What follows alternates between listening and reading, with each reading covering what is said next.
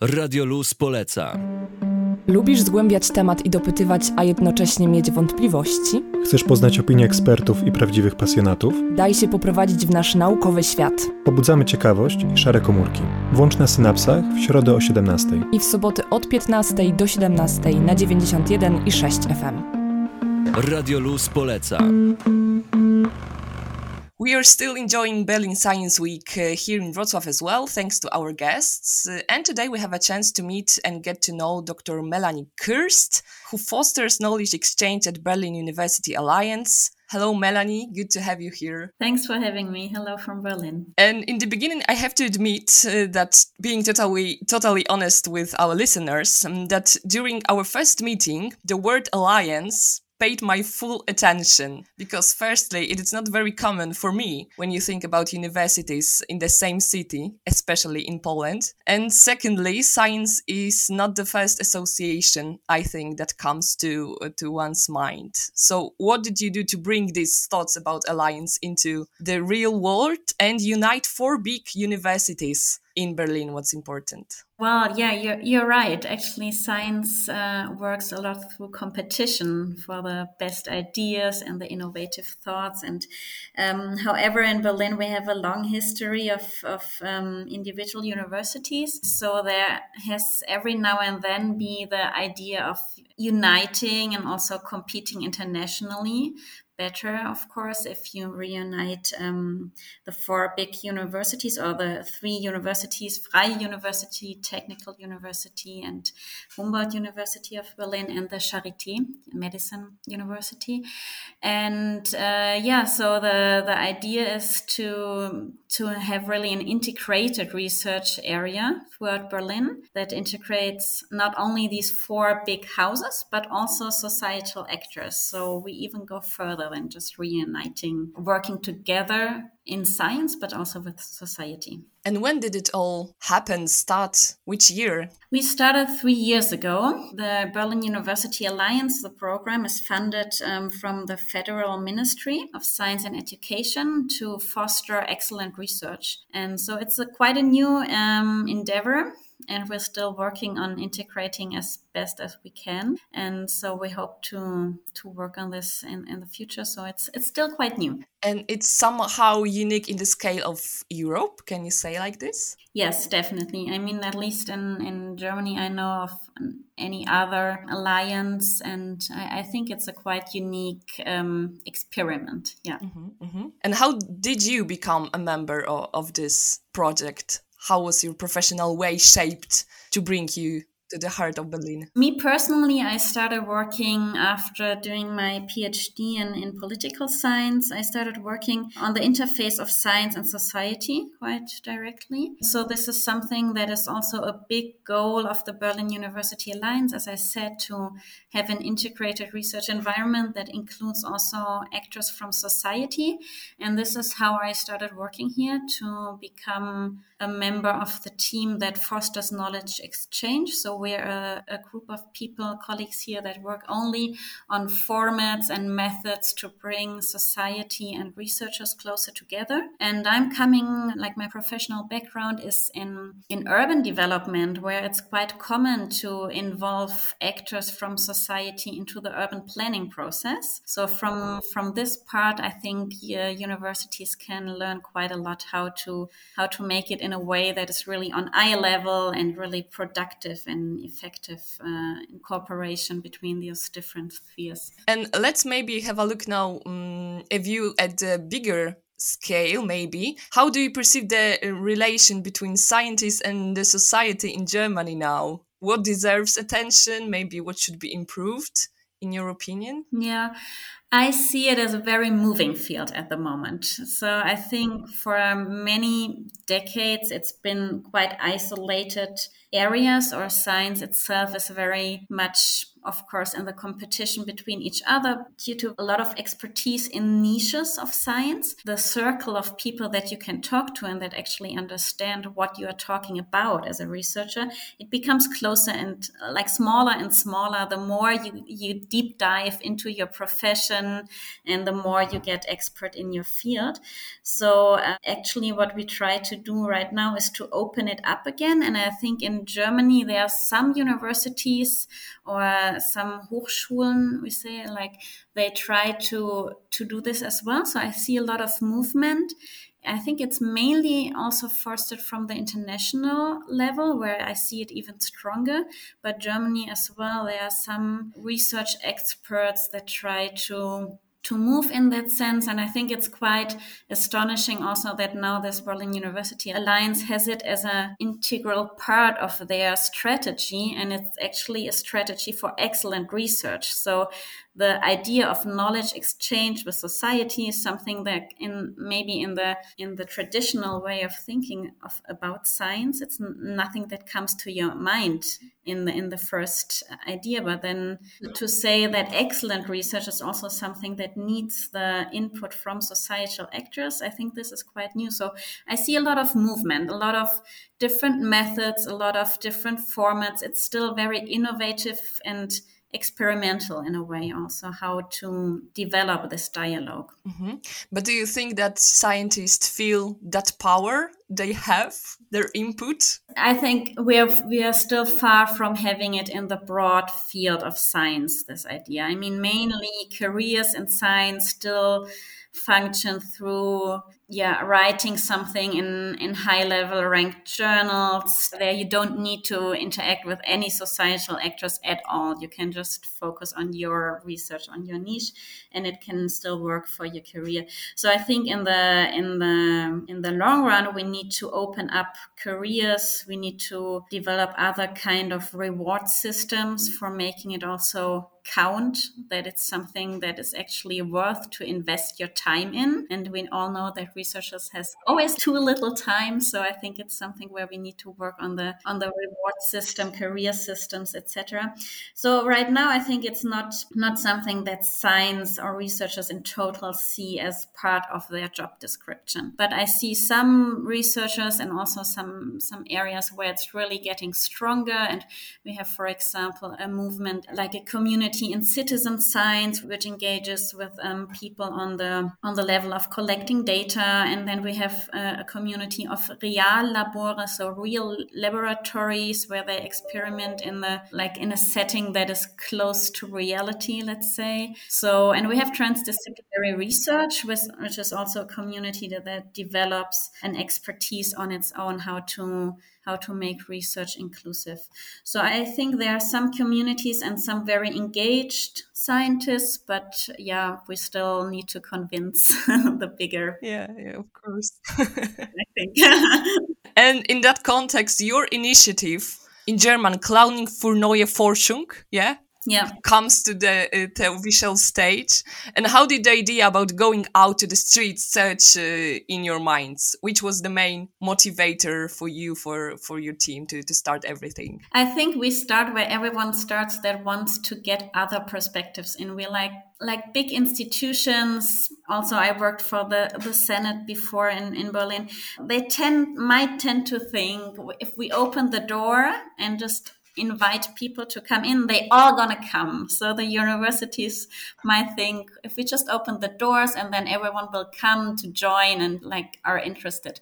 But then actually what happens magical. Yeah, magic. the magic doors open. So but actually of course what happens if you invite people to participate, you need to to get to them. They're not coming automatically. They maybe have never studied, they've never set a foot into a university building. It's very far from their actual life. So if you if you really mean it and if you really want to engage with not only experts of other fields which might have studied as well, have a similar way of speaking. So if you really mean it and really want to reach out other target groups, then you have to do a participatory approach that really goes where the people are. In this program part, we do something which is really opening up and goes and uses the simply the public space So the places where people of all kind of um, groups are, like supermarkets. We went to a mall. We went to a touristic spot, Potsdamer Platz. We went to a farmer's market. Mainly elderly people were there. So we tried to really engage with different target groups that normally wouldn't wouldn't come to a like let's say a, a discussion in a university. And why did did the choice fall on clowns, Melanie? Why clowns? Yeah, it's it sounds fun.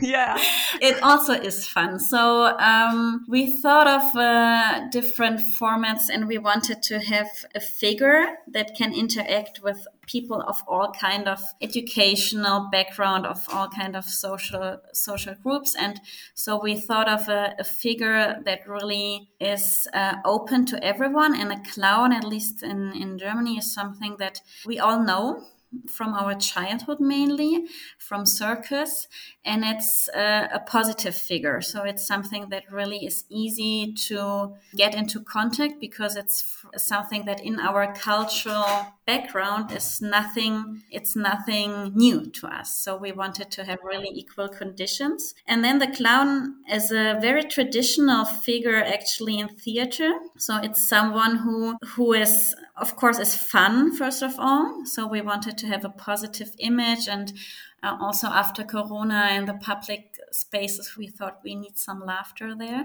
And also, we think if you laugh, you think better. so, yeah, this is something like playing with this fun part is, is actually something we did we did on purpose.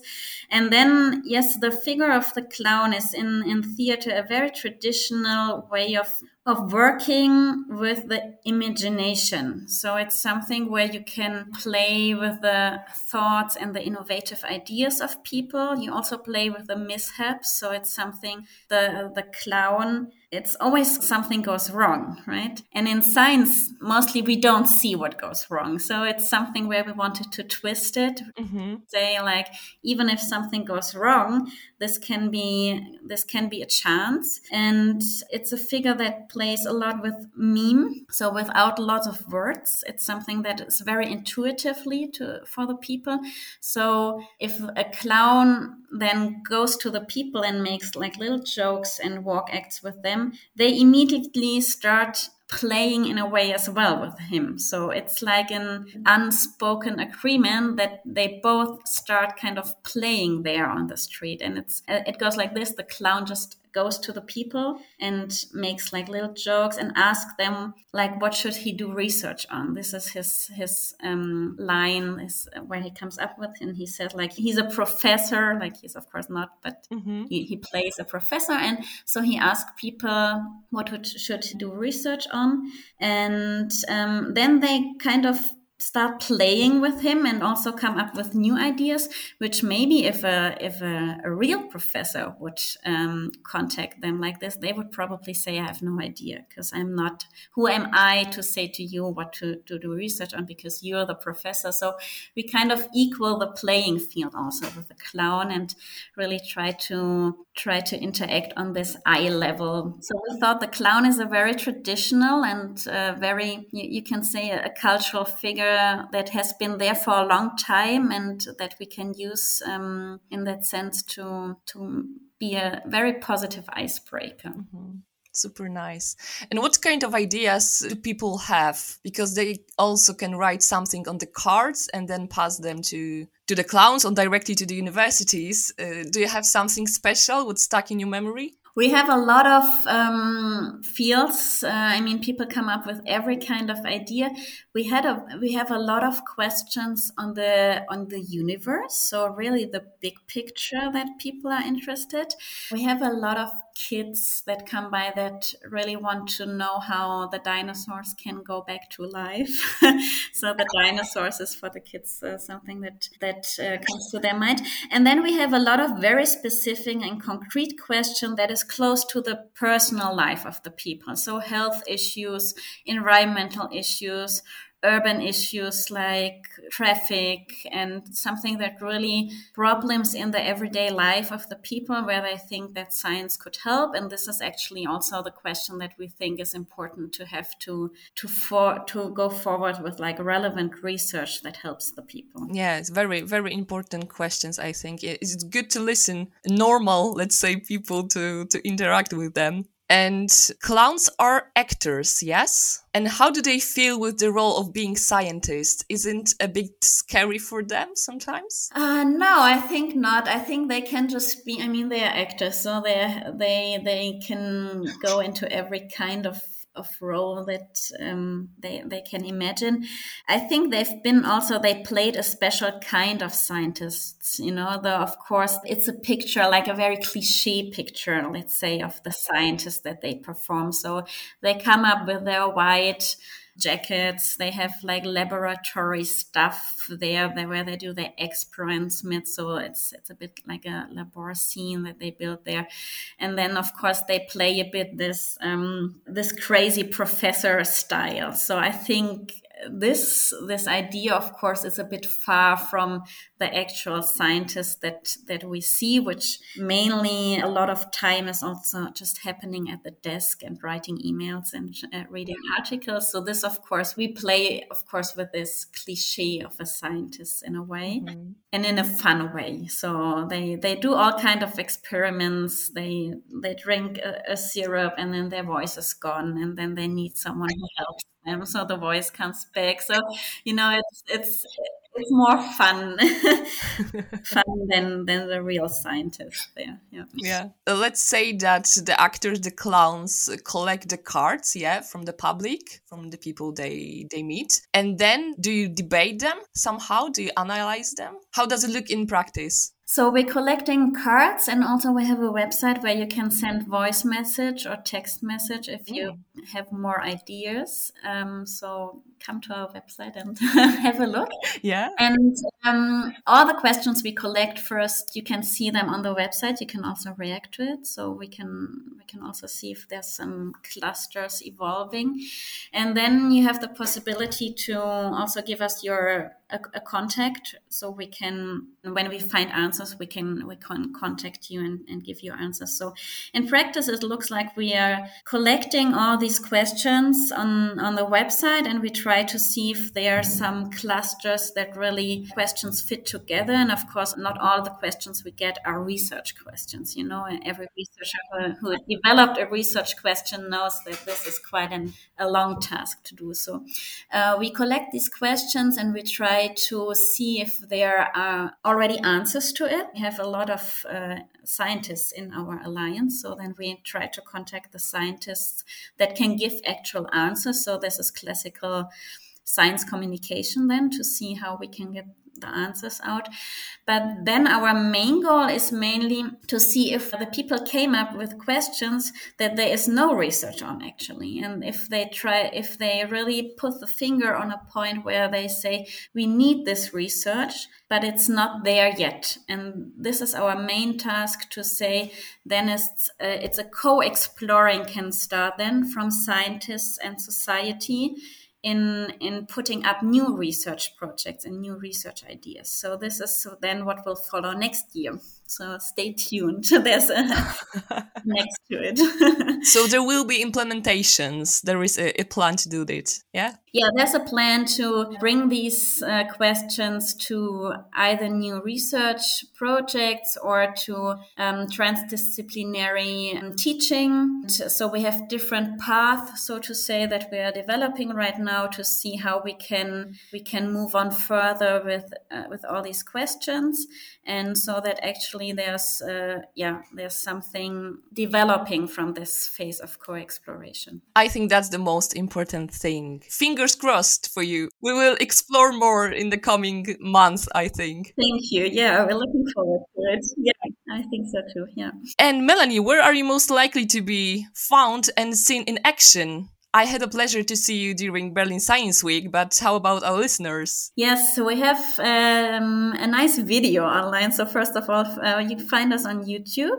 Berlin forscht mit. It's called Clowning for New Ideas, and um, of course on our website. And we're gonna Science Week. We've been there for it was our last event for this year. So the clowns um, will will have a winter break now. Are gonna sleep now. Yeah. and uh, we think about if we um, develop the format further and and make a second round next year. That has is not yet uh, decided, but we got very positive feedback on, on the format in total. So yeah, we think about to to go in a second round. So we highly recommend to see um, the website, the videos, and, and be in contact with the idea. Yeah. And uh, coming to the, the end of our interview, I think the one big points on the biggest goal and the biggest dream for your team.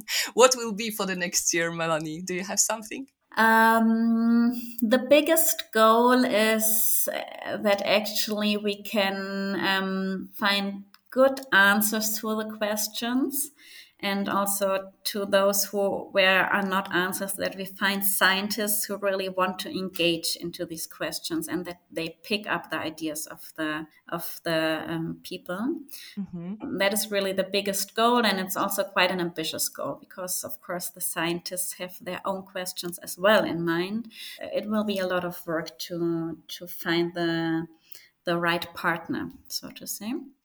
The biggest dream is yeah to go on with the clowning. I really i'm really gonna miss them because it was a lot of fun to work with them. And um, so i hope we can we can keep keep them in in our work yeah. Yeah super. And with that positive vibe uh, we are reaching the end of our meeting with melanie Thank you very much that you've agreed to join us uh, for a while. We wish you a really engaged and responsive society, which is ready to cooperate with scientists with open minds. That's the most important thing. I hope to see you in the future. Thank you very much. Thank you. Thanks a lot.